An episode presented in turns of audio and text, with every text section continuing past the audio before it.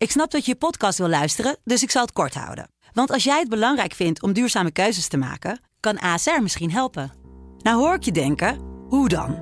Nou, bijvoorbeeld bij het duurzaam herstellen van schade. Of de premies die we beleggen volgens ons duurzaam beleggingsbeleid. Dat bepaalt waar we wel en juist niet in investeren.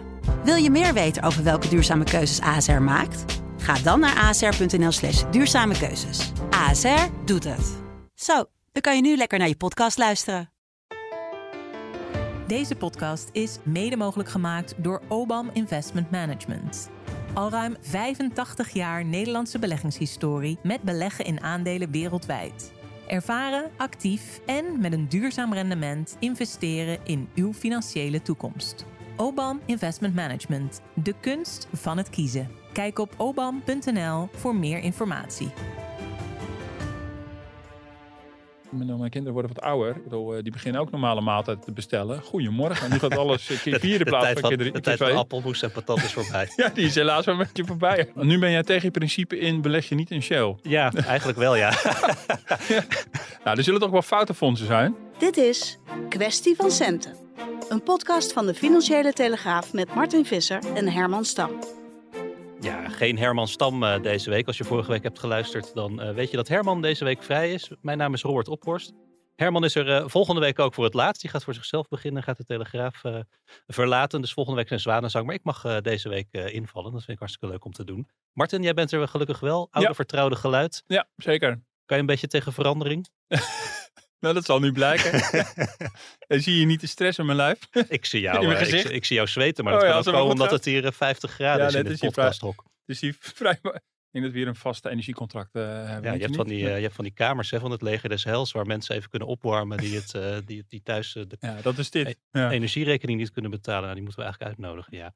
Ehm, we hebben genoeg te bespreken deze week. We gaan het, we gaan het hebben over de beurs. Ja. Want na het rampjaar dat 2022 was, zagen we toch veel blije gezichten bij beleggers. bij de start in ieder geval van het beleggingsjaar.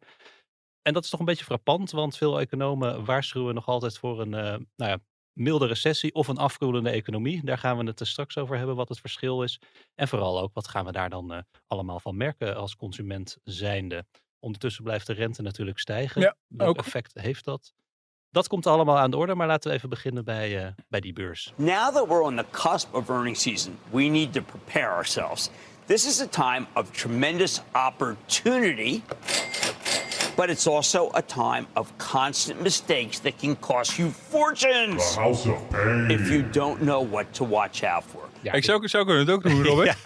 Ik bedoel, eh, ik weet niet of we dit in huis hebben, maar eh, dit had ook gekund. Ja, nou ja, ik, ik heb dit niet in huis, nee, helaas. Ja, ik blijf dan wel hangen bij dat geluid van die rinkelende kassa gelijk. Dat, dat, Ja, wel, ja. Ja, jij vindt het vreselijk, geloof ik, Dit hè? vind ik verschrikkelijk, ja. Maar goed, maar het is wel, het is wel, het is wel een mooi, eh, mooi begin. Maar wat vind je er zo erg aan dan? Nou, gewoon het hele verschrik Amerikaanse totaal over de top. Maar goed, het, is ook, nou, Ja, als, het, als- het maakt niet uit. Maar dat zegt wel iets over de sfeer nu ja. van het rampjaar 2022 naar het jubeljaar 2023. Of zoals we dat misschien heel graag willen zien eh, Ja. in beurstermen. Jij hebt hier eh, volgens mij onlangs verteld dat je ook eh, elke maand tegenwoordig een bescheiden be- bedrag overmaakt naar een beleggersrekening. Ja. Ehm, rende jij dan vorige week ook meteen naar je bank- bank-app om te kijken of je een eh, mooi plusje kon noteren? Nou, ik, eh, ik, ik kijk inderdaad wel met enige regelmaat. Maar het is de saaiste manier van beleggen ooit. En eh, eh, dus in die zin hoef je ook niet voortdurend te kijken. Ik denk dat als ik heel actief zou beleggen, dat ik dan ook helemaal erin op zou gaan. Dus ik neem mezelf eh, in bescherming. En overigens als financiële journalist kan je ook niet actief zijn eh, eh, op de beurs. Maar moet je een beetje passief beleggen. Maar ik kijk er wel af en toe naar. Maar ik heb, ja, nee, ik heb niet meteen de eerste week van januari gekeken. Wat, wat, wat heeft het nu gedaan? Daarvoor zijn A, de bedragen te bescheiden en het verlies van vorig jaar te groot. Ja, ja, precies. ja, want, Maar jij dan? Nou ja, ik heb, ik, ik heb ook zo'n beleggersrekening inderdaad geopend afgelopen jaar.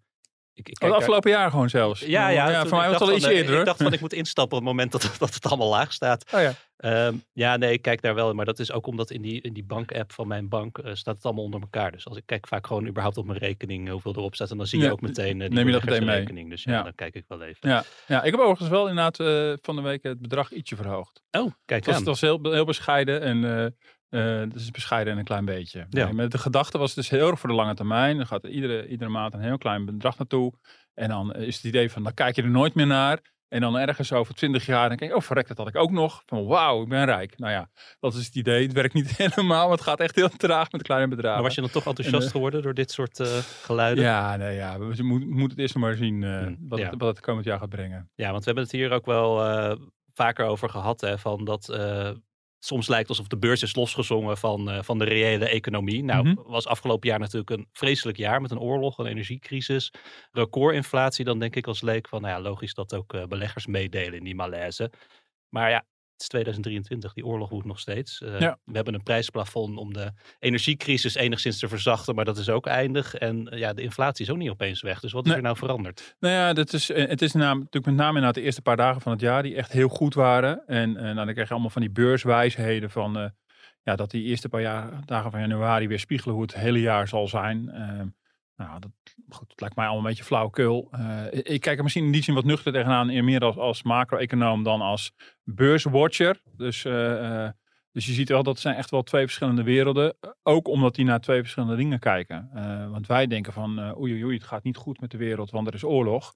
En die beurzen denken oei oei, het gaat niet goed met mijn beleggingen, want de centrale banken zijn de rente aan het verhogen.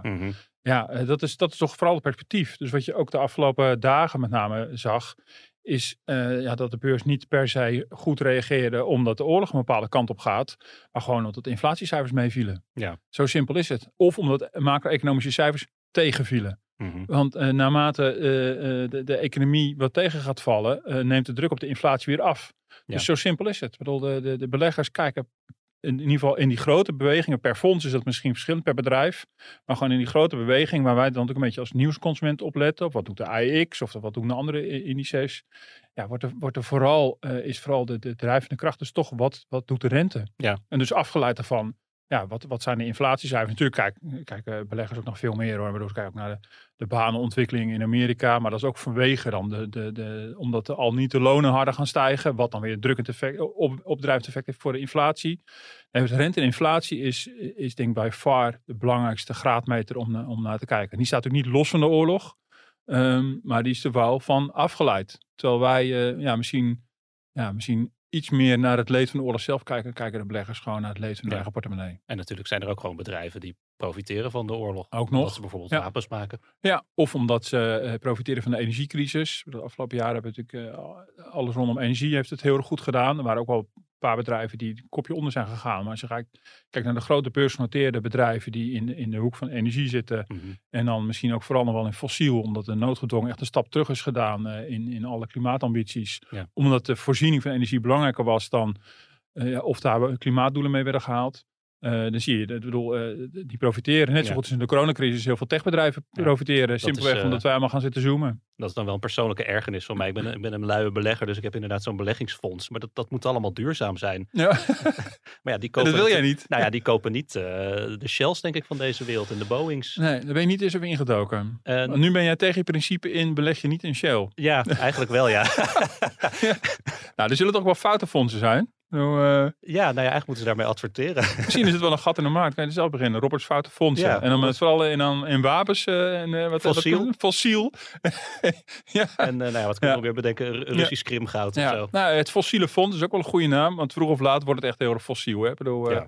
Dus het heeft niet echt de toekomst, zeg maar. Nee. Maar eh, het, het is een eh, interessante beleggingsstrategie. Ja. Ja. Hoe, eh, hoe broos is dan die huidige situatie, eh, de, huidige plusjes? Ja, nou ja, dat, dat hoeft niet. Eh, ik, ik, ik, ik waak er heel erg voor om allerlei voorspellingen over de beurs te gaan doen. Eh, eh, dat is natuurlijk tal van, van, van beursanalisten die dat wel doen. En, eh, en die hebben meestal ongelijk, omdat er gewoon heel veel onverwachte dingen gebeuren. En er desondanks vorstelijk voor betaald Ja, krijgen. zeker, zeker. En ook, ook gewoon een podium krijgen, ook overigens bij ons hoor. Want ja, de beleggers willen ook gewoon weten, wat weten, weten, weten de analisten van. Eh, en, die, en hun analyse is heel, heel goed.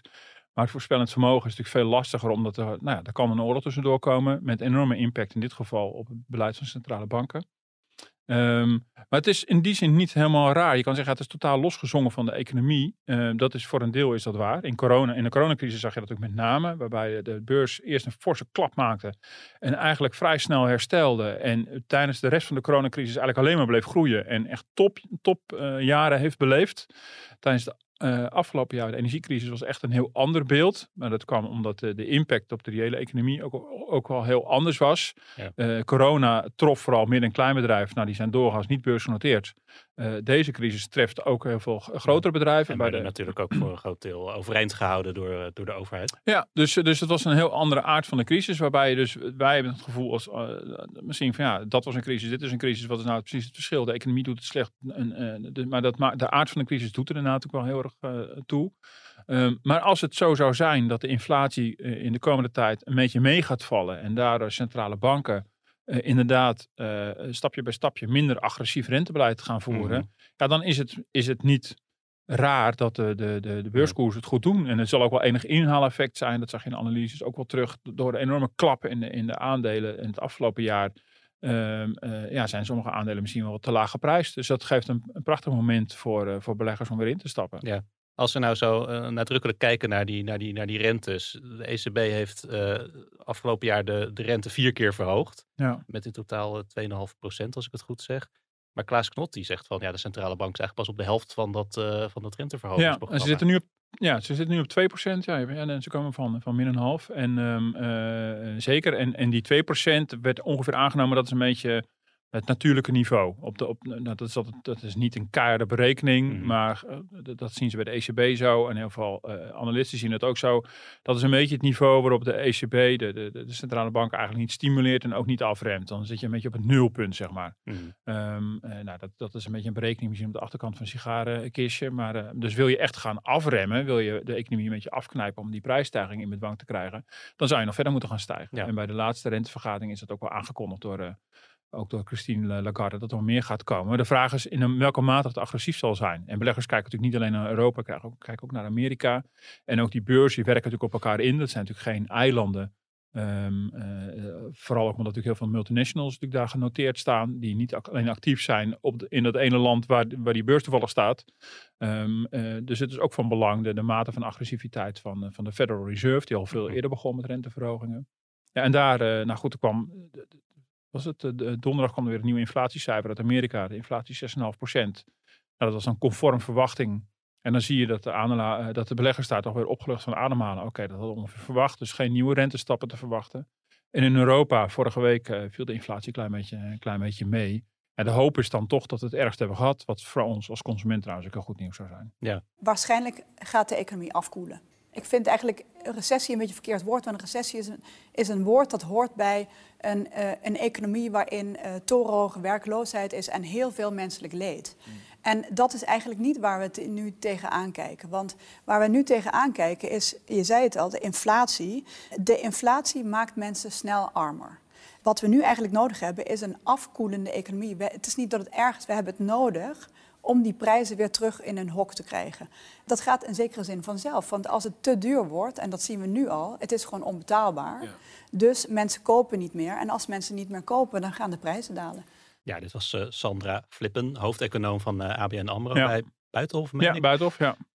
Dat klinkt inderdaad een stuk eh, vriendelijker, toch? Een afkoelende economie dan een eh, milde recessie. Ja, ja, een milde recessie is al een, een, een vrolijke variant van de gewone recessie. Laat staan van een zware Ja, recessie. we, we strooien met eufemisme. Ja, ik vind het een beetje spel met woorden eerlijk gezegd. Want een recessie is gewoon een, een teruggang of een terugval. Ja. Ja. eerst wordt die mild genoemd en nu mag het al geen milde recessie meer heten. Moet het een afkoeling van de Ja, economie je kan wel heten. merken dat ze...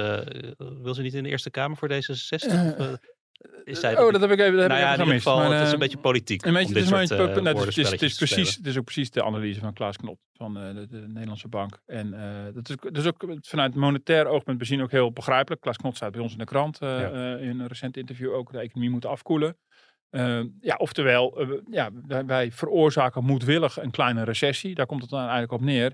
Ja, dat klinkt allemaal heel leuk en heel mild. Maar het rare is natuurlijk dat wij het zelf, denk ik, ik weet niet hoe jij dat ziet, niet ervaren alsof wij nou, eh, alsof we nou een enorme Hosanna-jaar Nee. hebben. Ik bedoel, we hebben het niet slecht. Ik bedoel, als je gewoon een vaste baan hebt en, een- en een prima inkomen, heb je ook niet heel gek veel te klagen, volgens mij. eh, in, in, in Nederland. Maar we hebben, we hebben niet het idee dat, dat het nou. We hebben geen dotcom Nee. bubbelgevoel van nou we leven boven onze stand of eh, en toch en dan komt die analyse toch altijd wel een beetje rauw op je dak van oké Mhm. ik bedoel maar de prijsstijgingen die komen dus eigenlijk uit het buitenland via die oorlog in Oekraïne en alle, alle problemen op de gasmarkt. En dat veroorzaakt de meeste stijging van de prijzen.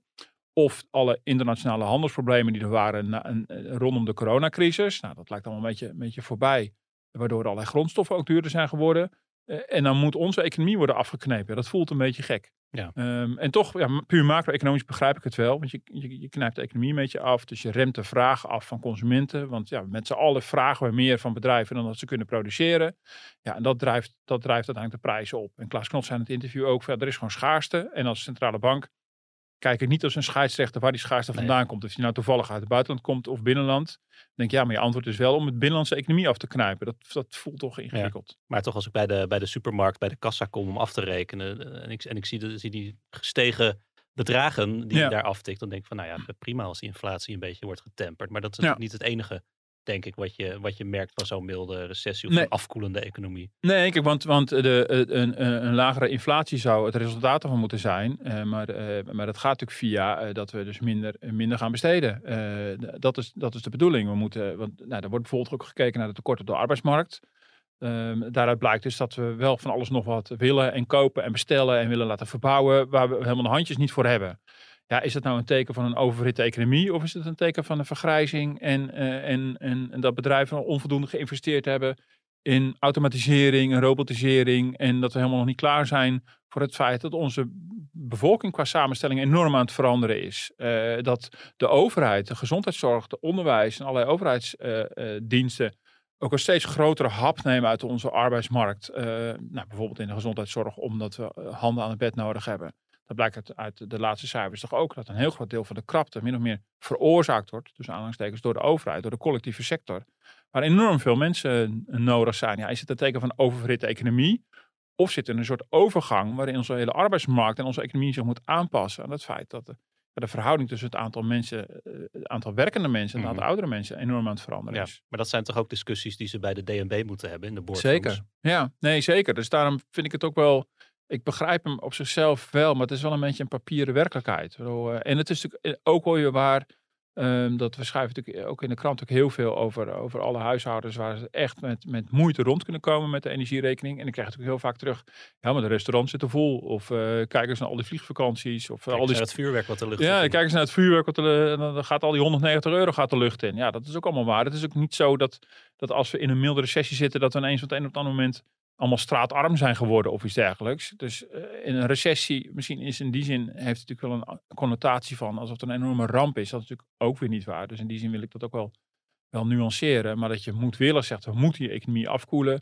eh, vind ik wel een lastige. Ik bedoel, welke boodschap zend je daarmee uit? Hè? Ik en ik denk dat de boodschap wel richting overheid zou kunnen zijn. Van wees nou wel, kijk nou wel uit dat je, terwijl de, de, de centrale bank aan het afremmen is, dat je niet als overheid nog weer olie op het vuur gooit. Dat begrijp ik wel. Maar je kan de consument toch niet helemaal verwijten dat hij te veel besteedt of iets dergelijks. Dat, Mhm. dat vind ik een beetje het lastige eraan. Dus Ja. het is een, wel een beetje een, een modelmatige werkelijkheid. Zie je de overheid olie op het vuur gooien? Ja, zeker. Ja, Op welke ja. manier? Nou ja, door, door wel heel veel eh, uit te geven voor corporate ondersteuning, wat in zichzelf natuurlijk goed is, maar daar niet eh, tegenover iets anders te zetten. Of een bezuiniging of nou, belastingverhoging lijkt me niet zo'n heel erg goed idee, dus het zal toch een bezuiniging moeten Daar gaan we zijn. hier nooit voor pleiten. Nee, nee. nou ja, je, je, je weet het maar nooit. Ik bedoel, eh, het is voor jou een hele nieuwe podcast. Misschien eh, gebeuren hier wel hele wonderlijke Ik zit dingen. hier om het telegraafgeluid te Ja, verdedigen. Ja, nou, sterkte. nee, maar ehm, eh, eh, dat is natuurlijk wel heel opvallend. Dus onder het mom, ik bedoel, minister Kaag zegt dus steeds, geld is niet gratis. Maar geld is wel heel lang gratis geweest. En, en het kabinet handelt nog wel steeds alsof het gratis is. Er worden natuurlijk enorme fondsen uitgetrokken voor stikstof, klim- klimaat. En er komt dus nu die ongedekte rekening van de koopkracht eh, bovenop. Mhm. En ja, ik begrijp ook wel, en daar maakt Klaas Knot zich ook een beetje zorgen over. Van, ja, die heeft iets aan, la- daarom, vandaar ook overigens zijn analyse, laat liever de bedrijven uit hun grote winsten meer loon betalen. Dus bedrijven die die winst ook echt maken, nou die zijn er nog plenty. Dan dat de overheid eh, uit de staatskas eh, met verhoging van de staatsschuld eh ook de koopkracht zit te repareren. Want dat, dat, ja, dat, bedoel, dat, dat drijft dan de totale eh overheidsuitgaven alleen maar op. En dat kan natuurlijk wel ja, dat kan natuurlijk wel aanjagend zijn voor de economie. En ja, dan, dan, dan zit je nog steeds niet bij de oorzaak van de inflatie. Want die komt toch echt primair vanuit de gasprijzen. Maar is het wel dat je het vuurtje verder opstookt? Je zegt van ik eh, doe nooit voorspellingen over de beurs. Durf je wel een voorspelling te doen of we die afkoelende economie, of die echt gaat doorzetten? Nou ja, dat ziet. Ja, de, de- al- alle, alle indicatoren wijzen daar volgens mij wel op. En die wijzen er voorlopig op, eh, op iets wat inderdaad misschien wel eh, in de terminologie van Sandra Flippen allemaal wat minder heftig is. Mhm. Bedoel, eh, dus het is misschien allemaal mild en het zal niet gepaard gaan met enorm baanverlies. Dus in die zin, de associatie die mensen mogelijk zouden kunnen hebben bij recessie met de jaren 80, die, die moeten echt gewoon helemaal wegnemen. Mhm. Dus in die zin is het een echt een ander soort recessie. Dus wel recessie, maar niet per se crisis. Weet je, niet per se. Nee. Ja, de crisis is een koopkrachtcrisis. Ik bedoel, we moeten het ook niet kleiner maken dan het is. Voor heel veel mensen eh, is er echt iets heel heftigs eh, aan de hand al sinds vorig jaar. Eh, dat moeten we vooral niet kleiner maken dan het is. Maar het feit als de economie wat afkoelt, en daar lijkt het wel op, nou, dat zou dan betekenen dat er misschien een paar kwartalen niet meer groeien, maar ongeveer stabiliseren of een klein beetje krimpen. Ehm, eh, dat op zichzelf hoeft niet per se te leiden tot massale faillissementen of reorganisaties. En dat hopen we in ieder geval niet. En het, tot nu toe ziet het er nou uit dat het zo'n soort recessie is. Ja, ik kan me wel voorstellen als je werkt in een eh, sector waar er nog geen nieuwe CAO is afgesloten met, ja. met, een mooie, met een mooie stijging, dat het niet echt een fijn vooruitzicht is. Nee, zeker. Want je, ga- je kan natuurlijk op je klompen aanvoelen dat werkgevers natuurlijk de- deze milde recessie eh, die gaan aangrijpen. En die gaan niet zeggen, ja, het is een eh, noodzakelijke afkoeling van de economie. Die zeggen over, ja, eh, hallo, Ja. Het, is, het, is, het is weer, eh, de, de R zit weer in het jaar. Het is gewoon weer recessietijd. Eh, vergeet het maar mooi met je, met je loonstijging. de R zit al Ja. snel in, in de maat bij werkgevers, Ja. geloof ik. Ja, dus eh, nee, die zullen dat zeker aangrijpen. Dus, Ja. eh, maar goed, en daarom is het voor de vakbonden wel weer fijn. Eh, ja, dat, dat ze ook een aantal van dit soort economen, die mensen nog wel zuinig zijn, ook aan hun zijde, aan hun zijde hebben staan. Maar zeker, bedoel, dat, gaat, dat wordt een, in, in die zin wordt het ook wel een interessant en spannend jaar. Eh, eh, want dat gaat natuurlijk, eh, nu ziet de lonen, de lonen wel flink stijgen. De afgelopen maand weer met een procent, of zes gemiddeld in de nieuwste cao's. Maar ja, je zag ook de, de, de, de CBS-cijfers van vorige week, geloof ik. Dat over het hele jaar, vorig jaar het hele jaar, was net boven de 3%. Ja, daar zitten alle mensen in die Ja. al een CO hadden. Van voor de oorlog, zeg maar. Mhm. Vooroorlogse CO's. Ja, dat waren CO's om zien met 2%. Ja, daar kom je daarna met een, met een jaarinflatie van 10%. Ja, dat schiet natuurlijk niet op. Dus heel veel. Er zijn nog eh, een paar miljoen mensen die nog in hun nieuwe CO nu alsnog die inflatie verdisconteerd willen zien. Nou, eh, ik wens ze veel succes. Dat belooft nog wel een stevige strijd te worden. Ja. Ja. voor die mensen is de koopkrachtcrisis inderdaad eh, ontzettend reëel. Ja, ja, en die werkgevers die zullen inderdaad ook wel eh, soms terecht en soms onterecht zeggen, nou, het is recessie of die dreigt. Of, eh, en dan hangt het inderdaad van je sector af. Er zijn natuurlijk wel degelijk sectoren in de retail bijvoorbeeld. Nou, daar is dan net een CEO afgesloten. Bijvoorbeeld, nou, dat, dat zie je uit, uit echt ook uit de cijfers, dat in de meubelbranche zie je echt gewoon de, de, de verkoop echt hard afnemen. Dus, eh, ehm, dus, dus dat gebeurt wel degelijk. Dus het is, eh, het is mild misschien macro gezien. Ja. Maar voor sommige sectoren zal het wel eh, te merken zijn. Nou, je ziet aan de vakanties, voor mij zit iedereen weer vrolijk vakanties te boeken. Eh zal vast wel rekening houden met, eh, met, met koopjes en dergelijke, ongetwijfeld. Eh, maar er zijn wel degelijk ook branches waar, waar men echt merkt dat, eh, dat de consument de hand om te knippen aan het houden is. En, ja, en als je toevallig daar werkt of daar ondernemer bent, eh, is dat natuurlijk wel heel erg zuur. Ja. Dat zullen ook branches zijn die nog aan het opkrabbelen waren van de coronacrisis. We hebben natuurlijk veel gehad over de horeca eh, tijdens corona. Ehm, wat, wat voor jaar voorzie je daar dan? Want je zegt de restaurants zitten misschien nog weer vol. Ja. Maar ja, die hebben natuurlijk eh, geen enkel vet op de bot. Nee, die hadden toen wel wat in te halen. Dus ehm, ehm, ik zit er wat dubbel ook in. Want de, de horeca eh, heeft harde klappen gekregen, maar heeft zich ook ontwikkeld de afgelopen, jaar tot ons, de afgelopen paar jaar tot een ontzettende klaagsector. We hadden de laatste horecabaas ook in de krant. Die zei van nou, we moeten stoppen met klagen. Ik denk nou, ik hoop dat je dat ook vooral tegen jezelf zegt. Overigens hebben wij dat allemaal gretig opgeschreven. Ja. Ik zal het meteen toegeven. Ehm, eh, want het was ook wel een hele herkenbare illustratie van wat die coronacrisis teweegbracht. Maar dat is een sector geweest die, die er nu achter komt. We hebben misschien stelselmatig onze mensen onderbetaald. Eh, eh, allerlei flexkrachten die meteen op straat stonden en, en lekker bij de GGD coronagevallen gingen nabellen. Dat we nou, dit is beter verdienen dan, eh, dan in een horeca. En nu met personeelstekorten zitten. eh, maar ook, ook vervolgens een enorme inflatieklap krijgen. Want dat zijn ondernemers die zien natuurlijk ook de kosten stijgen. En eh, op een gegeven moment ook wel tegen de grenzen aanlopen van wat kan ik doorvertalen naar de consumentenprijs. Eh, uit, de, uit de enquêtes blijkt dat met name horecaondernemers de ervaring hebben dat ze heel veel van hun kostenstijgingen niet kunnen doorberekenen. En dat staat in schril contrast tussen volgens mij de ervaring die jij en ik hebben als wij bij die horeca zitten. Ja. Ehm, eh, ik laat dat plaatje ook wel eens in, in presentaties zien. Van, eh, en dan zie je dat de industrie, die, die kan grotendeels de kostenstijging wel doorberekenen. Dus wat zij aan met name de energiekosten eh, eh, hebben. En de horeca staat aan de andere uiterste. Daarvan zegt 80% van de ondernemers, we kunnen niet of nauwelijks onze kosten doorberekenen aan de consument. Nou, dan zie je zo'n zaal echt van, Pardon? Ja, omdat, bedoel, je, eh, omdat je vaak stijl achterover slaat als je een... Omdat eh, wij ook een gevoel hebben bij wat gemiddeld een biertje hoort te kosten. Of een kop koffie, of een, of een daghap. als Of, je met eh, het gezin ergens gaat eten. ja, en daar lopen ze ook tegen de, tegen de grens. Ja, als je met je gezin gaat eten. Ja, ik heb, mijn, kinderen worden wat ouder. Ik bedoel, die beginnen ook normale maaltijd te bestellen. Goedemorgen. Nu gaat alles keer vier in plaats van keer drie. de tijd van appelmoes en patat is voorbij. Ja, die is helaas wel een beetje voorbij. Dus ja, en dan loop je als, als sector ook tegen de grens aan van wat je nog kan vragen. Nou, wat, wat je de bakkers de afgelopen eh, half jaar ook al horen zeggen, we kunnen toch een brood niet 6 euro maken. Eh, dus dat wordt wel, eh, dat is wel lastig voor. Denk dat horeca is wel een, echt een sector die een beetje in de squeeze zit, er echt, echt, eh, echt tussenin zit. Ja, en de hele revival van na corona eh, loopt er op een gegeven moment ook een beetje voorbij. Het gevoel van eh, het mag allemaal weer. Ja, dat zeggen we allemaal niet meer tegen elkaar, want het is, het corona voelt al zo lang geleden. Mhm, Ja.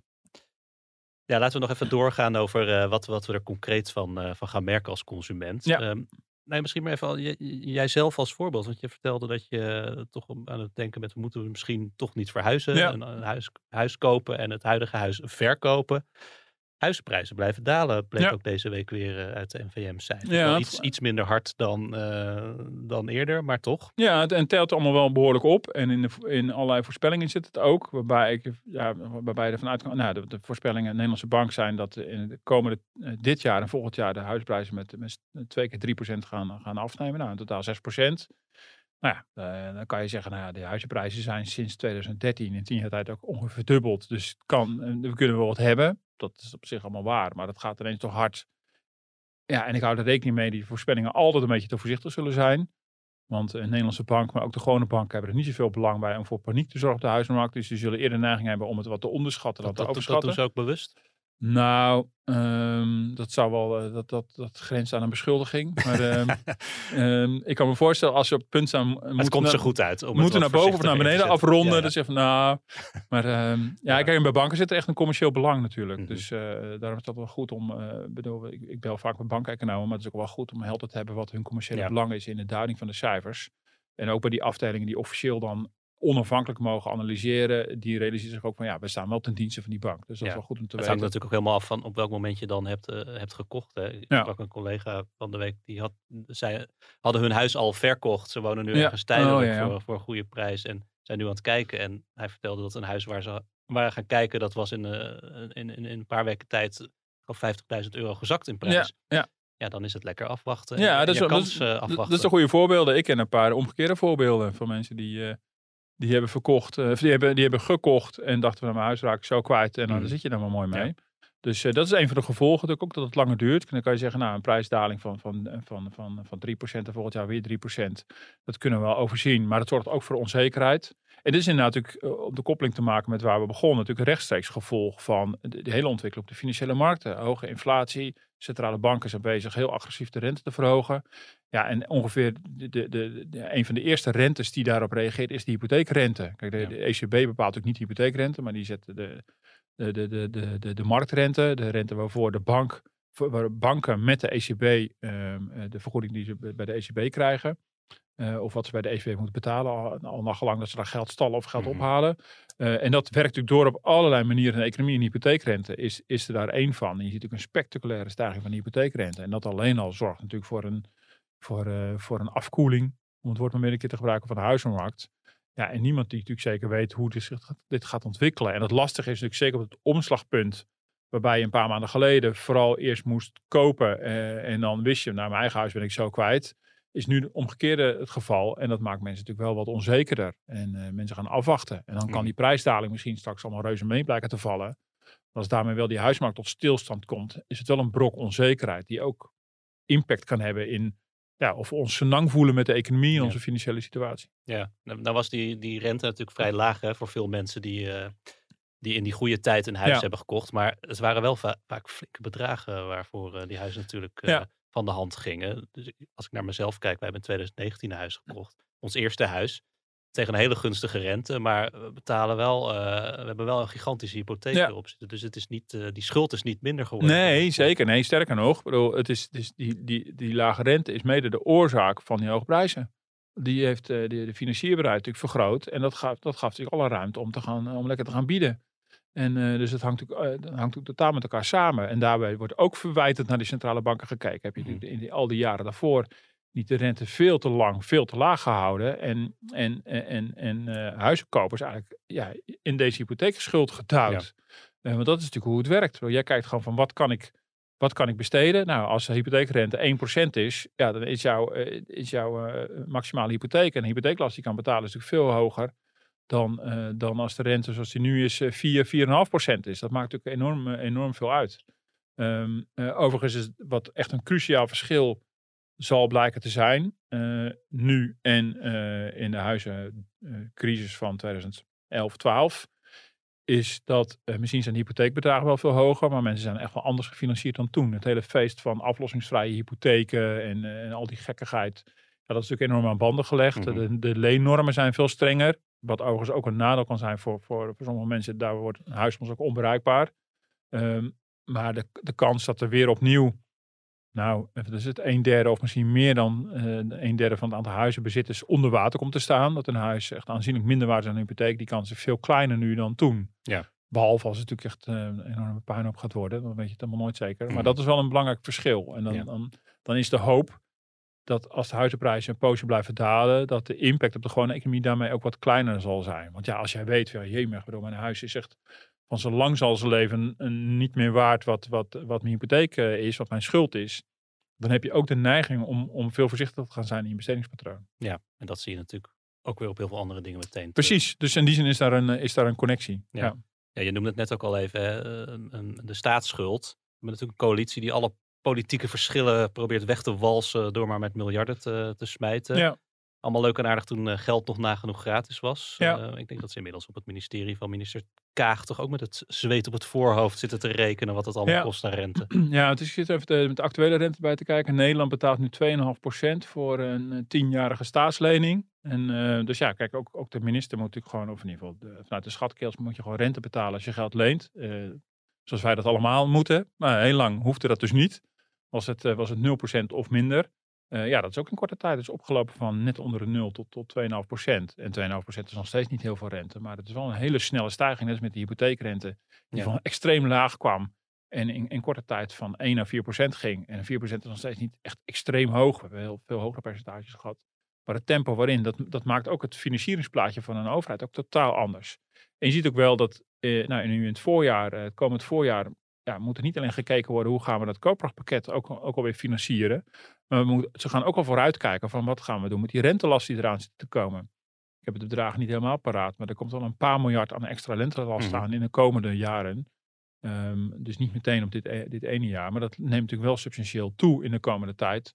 Omdat ja, nu, nu het grootste deel van de staatsschuld is nu nog gewoon gefinancierd. Maar elke keer als er weer ergens een staatslening afloopt, moet je een nieuwe eh, in de markt gaan zetten. Tegen de huidige Tegen, rente. tegen die huidige rente, Ja. die veel hoger is. Dus, eh, dus ja, daar moet ook een, eh, een, een oplossing voor komen. Ja, dat is natuurlijk een politieke beslissing. Hè? Ga- Gaan we bezuinigen of niet? Maar Ja. wat, wat denk je dat wij daar als consument van gaan merken? Ja, nou, ik, ik, ehm, ik ehm, A, eh, dat we de dagelijks in de krant gaan lezen eh, dat ze er niet uitkomen. eh, om, om, te, precies. om, om te beginnen. Maar dat wordt best wel ingewikkeld, want dit hele kabinet is gebouwd natuurlijk op het uitgeven van geld en niet op Ja. het bezuinigen van We geld. hebben een enorm daadkrachtige coalitie. Ja, dus, dus dat, dat zit allemaal wel goed. Dus een kwestie van een paar dagen en dan zijn ze eruit. Nee, maar ik denk dat het best wel ingewikkeld gaat worden. Want ja, er zijn grofweg drie opties. Of, of, je, of je laat de staatsschuld verhogen. Nou, het lijkt erop dat men dat liever niet wil. Of niet, niet, niet alles op die manier wil financieren. Eh, of, je, eh, eh, of je gaat bezuinigen of je gaat de belasting verhogen. En het zou me niet verbazen dat deze coalitie eerder een akkoord bereikt over het verhogen van belastingen dan over bezuinigen. Maar bezuinigen is best wel ingewikkeld. Want dan Mhm. heb je een moeilijk verhaal aan de kiezer. Nou, we hebben ver- verkiezingen in maart. Ehm, en als die achter de rug zijn, dan, moet, dan moeten ze nog maar zien wat de verhouding in de Eerste Kamer is geworden. Ehm, eh, en verhoging van de belastingen, ehm, eh, dat, dat zal dan vooral richting vermogenden gaan, richting bedrijven. Ja, dat doet het goed op links. En, eh, ja, en, een- en een coalitie die nog meer dan nu al eh, afhankelijk wordt van, van de linkse oppositie, Mhm. zal eerder geneigd zijn die kant op, eh, Ja. op te denken. En dan ga je dus midden in een recessie, ga je de belastingen verhogen. Dat, dat hebben, hebben we vaker gedaan. Het, is, het, het zou een heel wonderlijke uitkomst kunnen zijn van, van die strijd. Ja, en, en nog even over de grote bedrijven. Want eh, afgelopen week was de Boskalis natuurlijk het nieuws. Die topman Ja. die had gezegd, van, ja, ik krijg eigenlijk geen gehoor meer in Den Haag. En Ja. eh, ik voel me hier eh, überhaupt niet meer welkom. Dat Ja. heeft hij geloof ik eerder ook al bij ons. eh, Ja, zeker. Bijna, bijna meer dan een jaar geleden heeft, heeft hij eh, in een interview met, eh met, met, met Itik, onze collega, eh, ook gezegd dat nu ging eh, dat hij dat hij echt serieus overwoog. Nu heeft hij dat nog herhaald en toegespitst op wetgeving die eraan zit te komen. Overigens, kleine nuancering. Hij zegt, je wordt niet gehoord. Maar vorige, volgende week is er een hoorzitting over Oh. die wet. En wie is daar? De topman van Boskalis. ja, precies. Dus eh, eh, ik neem aan dat hij dan ook echt gehoord wordt. Maar, eh, maar goed, dat is maar wat anders of er naar hem geluisterd wordt. En dat bedoelt hij waarschijnlijk. Maar ja, nee, dus dat is, een, dat is weer een illustratie van ook hoe, hoe, hoe, hoe Den Haag natuurlijk tegen het bedrijfsleven aankijkt. Het is natuurlijk vrij makkelijk om, om over die grote bedrijven heen te Ja. walsen. Want niemand neemt het meer voor ze op. Dus dat, die zijn een soort schietschijf en dus ook een soort, soort pinautomaat voor, eh, voor het kabinet eh, geworden. Eh, en in de slipstream worden er overigens ook gewoon kleinere ondernemers in meegenomen. Want Den Haag doet dat alsof, we moeite hebben met bepaalde grote bedrijven. Met Sales en Unilevers. Nou, die vervolgens ook vertrokken. Maar als je kijkt naar welke maatregelen eruit komen. Die raken net zo goed het midden- en kleinbedrijf. En directeur grote aandeelhouder. Tot grote irritatie van, van MKB Nederland en alle MKB-branches. We worden gewoon in één grote haal. Wordt er helemaal geen onderscheid gemaakt. En zo'n kabinet wil zich heel graag profileren als een MKB-kabinet. Maar ja, al- als het nodig is en er is ergens een paar miljard tekort, dan kijken ze toch weer naar het bedrijfsleven. Dan gaat de winstbelasting omhoog of een andere belasting. Nou, daar klinkt hij al. Ja, de rondvraag. de rondvraag. Zal, ik, zal ik dan maar het goede voorbeeld geven? Ja, trap jij eens af. Nou, wij hebben vijf maanden geleden een zoontje gekregen. En eh, sinds dit eh, jaar, in januari, is er, eh, is er eindelijk plek op de opvang. Eh, daar zijn we natuurlijk super blij mee, want eh, het was allemaal heel onzeker eh, of dat kon en wanneer dat kon. En we hadden ons al, al jaren geleden ingeschreven. Hij gaat nu twee dagen per week naar de opvang. Ja, En je Spannend. Bent er al voor gewaarschuwd, maar goede genade, wat is dat duur. oh ja, ja, ja, oh ja. We betalen ruim 1000 euro voor die twee dagen. En eh, ik moet zeggen, dat is een fantastische opvang. hoor. En ik vind het Hm. hartstikke leuk. En wij, eh, nogmaals, wij, eh, wij zijn zielsgelukkig. Hm. Maar ja, het is, wel, het is wel een hele klap geld. Ja. Je, krijgt wel, je kan wel een opvangtoeslag krijgen. Ik Ja. moet zeggen, dat moeten wij nog aanvragen. Dus Ja. het is ook weer niet dat we nu... het is een gigantische hap uit ons besteedbaar inkomen. Maar het is ook weer niet dat we per direct op droog brood moeten leven. Hm. Dus dat geeft ook wel aan dat we daar laks mee zijn. Dat we nog die, eh, die opslag moeten aanvragen. Maar ik geloof dat je collega die vertelde... haar zoontje gaat ook eh, twee dagen per week naar opvang. Die krijgen iets meer dan drie, eh, 300 euro eh, terug. Ja. Dus dat, nou, dat is het wel waard. Ja, zeker. Nee, ik, ik, ik- de, de, de, mening over weg met de toeslagencircus is heel populair. Ja. Tot je kinderen naar de opvang brengt. Nee, en dan zie je ook hoe bizar het is. Dat ook als je gewoon een prima inkomen hebt. Of, of zelfs een al redelijk hoog inkomen. eh, eh, ik weet niet tot wanneer je nog in aanmerking blijft komen. met Een toeslag bijvoorbeeld. Tot echt tot Het, het beho- viel mij mee. eh, die- behoorlijk die hoge 300 inkomens. euro. Maar dan heb je eh, zoiets van, oei, ik bedoel, eh, nee, Ja. ik, eh, ik heb die ervaring ook. Eh, In het begin eh, was onze kinderopvangrekening hoger dan onze hypotheek. Dus, eh, Oh, ja. ja, eh, dus toen waren we heel blij met die, eh, met die toeslag. dus. En jij? Ja, ik heb, ik heb toch, eh, ik, ik wil iets delen wat ontzettend uit de oude doos is. Ik, bedoel, ik loop ontzettend achter, maar eh, je, al die lijstjes natuurlijk de afgelopen weken ge- ge- gezien met de beste dit en de beste dat. En toen viel me ineens weer op dat eh, ergens zag ik in de beste series het jaar van Fortuin staan. En ik verrek, ik heb het jaar van Fortuin nog niet teruggekeken. Maar heb jij dat gezien? Nee, Of ik heb niet Nou, gekeken. Nee. nou, dat is toch wel een enorme tip. Zat, eh, op NPO Plus kan je dat terugkijken. we hebben hem bijna uit. Ja, je weet al hoe het afloopt, het jaar van Fortuin. Niet best. Eh. Ehm, maar het is toch wel weer bijzonder als die geschiedenis echt vooral Melkert versus Fortuin weer helemaal tot leven wordt eh, gewekt. ja, als je dat nou kijkt, vergeet je dan ook een beetje dat het eh, acteurs zijn? Nee, dat heb ik toch niet helemaal. Ik vind Ramsje Nasser eh, als Melkert heel goed. Maar Jeroen Spitsenberger als Fortuin ook wel goed gedaan. Maar ja, ik mis toch de echte Fortuin. Ja, dat, ja, dat enorme flamboyante. En bij alles wat hij zei, hoe het ook was, moest je altijd een beetje grinniken. En, ehm, eh, maar interessant in deze serie, dat, dat zet me ook aan het denken, is ik zie, lees, zie het ook eh, als een soort bijna als een rehabilita- rehabilitatie van Ad Melkert. Mhm. Want de premisse van deze serie is dat, dat niet alleen Fortuyn, maar ook Melkert zag wat er misging in het land. Eh, namelijk dat de burger niet meer werd gehoord, dat in de zorg niet goed ging, maar de, de huisvesting niet goed. Maar dat Melkert dat vanwege partijbelangen niet tot campagnepunt kon maken. Dat hij werd tegengewerkt door Kok en, en als zittende partij konden ze, dat, konden ze hun eigen eh, regering van de afgelopen acht jaar niet afvallen. Dus Melkert was net zo'n visionair als, als Fortuyn. eh, maar hij, hij kon dat door de omstandigheden niet in een campagne uitspelen. Nou, ik vind dat nogal kwestieus. Maar het is, het is, heel, het is, het is een interessante serie. Toch wel een aanrader om, om die hele historie weer, eh Het weer verklaart tot leven te zien komen. mede waarom eh, Melkert nog steeds zo gefrustreerd is over die periode. Ja, dat, zou, dat, zou, dat geeft inderdaad wel, en dat snap ik uit drama-oogpunt, het geeft de, het personage Melkert wel extra tragiek. Ja. Dat, is wel, dat is inderdaad wel eh, heel interessant. En dat snap ik ook wel. Dan heb je wel twee figuren naast elkaar die allebei hun tragiek hebben. En Melkert had dus niet alleen tragiek dat hij gewoon totaal niet overkwam in de media. Maar ook dat hij het blijkbaar altijd al goed gezien heeft. Maar dat A niet goed kon verwoorden. Dat komt heel mooi, meestelijk uit in die serie. Ja. Maar ja, dus ook de ruimte niet kreeg Nee. om, eh, om, eh, om zijn voorganger Wim Kok aan te Ik, ik vallen. ga het misschien toch nog kijken. Ik Ja. moet wel zeggen, toen die serie, eh, toen dat zoveel in het nieuws was, inderdaad, heb ik nog even dat debat teruggekeken. Oh ja. Wat Toen naar de, naar de gemeenteraadsverkiezingen was het, geloof ik. Ja. Maar gewoon even helemaal. Oh TV die je nu nooit meer ziet. ja, het is geweldig. Nee, dat, dat klopt. Ja, ik zat ook wat oude YouTube. Nou goed, voor je het weet verdrink je weer helemaal in die YouTube filmpjes. Dat is fantastisch. Ehm, volgende week zit Herman hier voor de laatste keer zijn zwanenzang. Ehm Martin, dankjewel. En, Ja, eh, eh, was je, eh, hoe vond je het gaan? ik, eh, eh, ik vond het hartstikke leuk. Ja? Ja. Ja. mooi. Nou, het ging, eh, het ging voor mij ook lekker. Ik hoop dat de luisteraar dat ook vond. Eh, Ja. Dan val ik nu door de band, want blijf ons mailen. En dan moet ik even naar Hein kijken wat het mailadres is. Podcast.dft.nl nou jij weet Ja. het ook. Hartstikke goed. Dankjewel. Tot volgende week.